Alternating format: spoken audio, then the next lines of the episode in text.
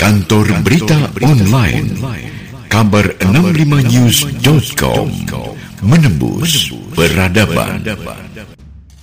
Salam jumpa sahabat bersama saya Halim Anwar di podcast KBO Kabar 65news.com edisi kabar hari ini.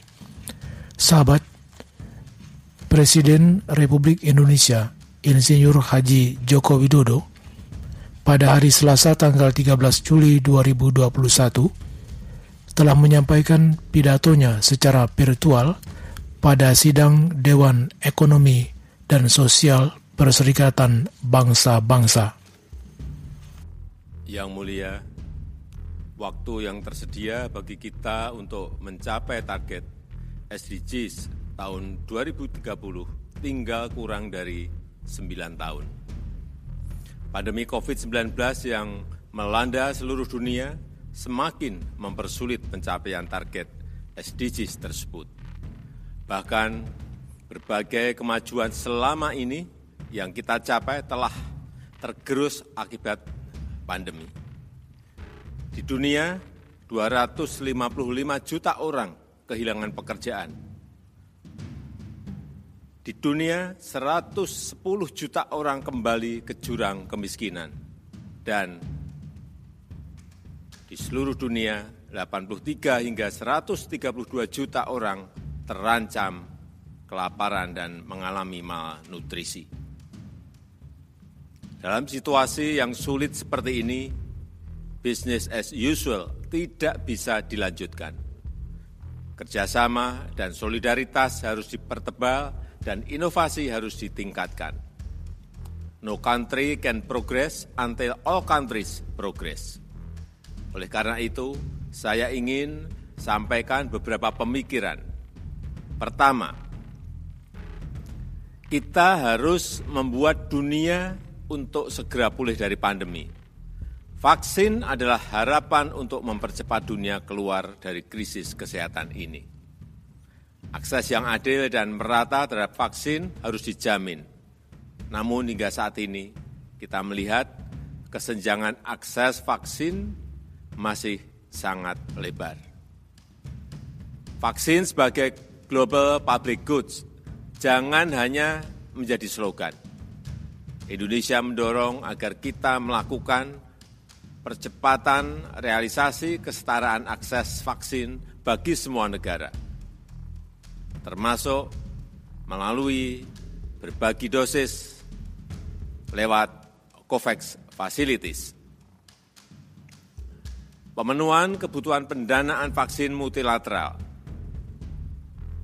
peningkatan produksi vaksin global termasuk melalui TRIPS waiver, penguatan global supply chain vaksin, termasuk menghilangkan hambatan ekspor dan hambatan bahan baku vaksin dan peningkatan diversifikasi dan volume produksi vaksin termasuk di negara berkembang. Yang kedua, kita harus meningkatkan perhatian dan bantuan kepada kelompok rentan akibat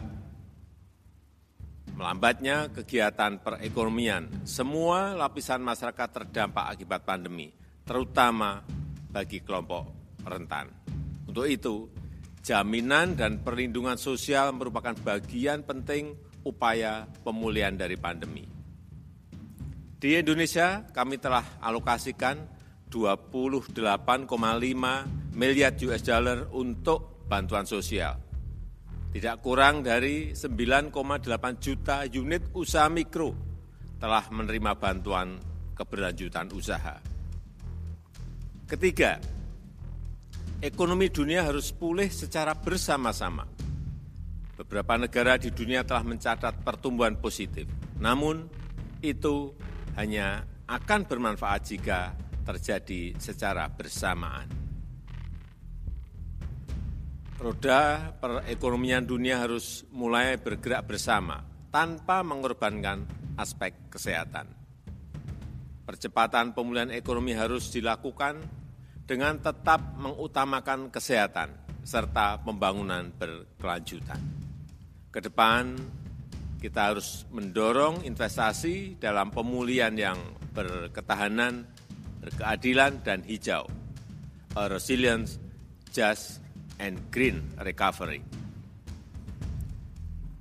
Dukungan negara maju dalam transisi ekonomi hijau di negara berkembang harus diperkuat.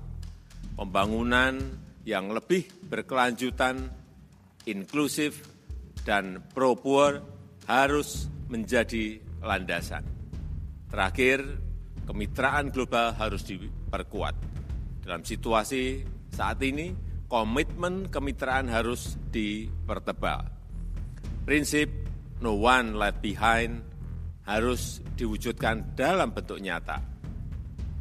Kita harus berkomitmen untuk menghindari me first policy. Mari kita bangun kepercayaan dan solidaritas untuk mencapai tujuan bersama. Semangat ini juga akan dibawa oleh Indonesia pada presidensi G20 Indonesia tahun depan dengan tema Recover Together recover stronger. Visi ini akan mengedepankan semangat kepemimpinan kolektif global untuk pemulihan dari pandemi dan pertumbuhan dunia yang inklusif. Yang mulia, sebagai penutup, komitmen Indonesia terhadap SDGs tidak surut meski di tengah pandemi. Pada forum ini, kita kembali menyampaikan Voluntary National Review, VNR yang ketiga atas capaian SDGs. VNR Indonesia diharapkan dapat menjadi masukan bagi dunia untuk pemulihan bersama yang lebih kuat, agar dunia dapat meraih masa depan yang jauh lebih baik. Build forward better. Terima kasih. Demikian kabar hari ini. Kita akan jumpa kembali dengan kabar-kabar lainnya di lain waktu dan lain peristiwa. Saya Halim Anwar pamit undur diri. Terima kasih atas perhatian Anda dan sampai jumpa. Kantor Berita Online kabar 65news.com menembus peradaban.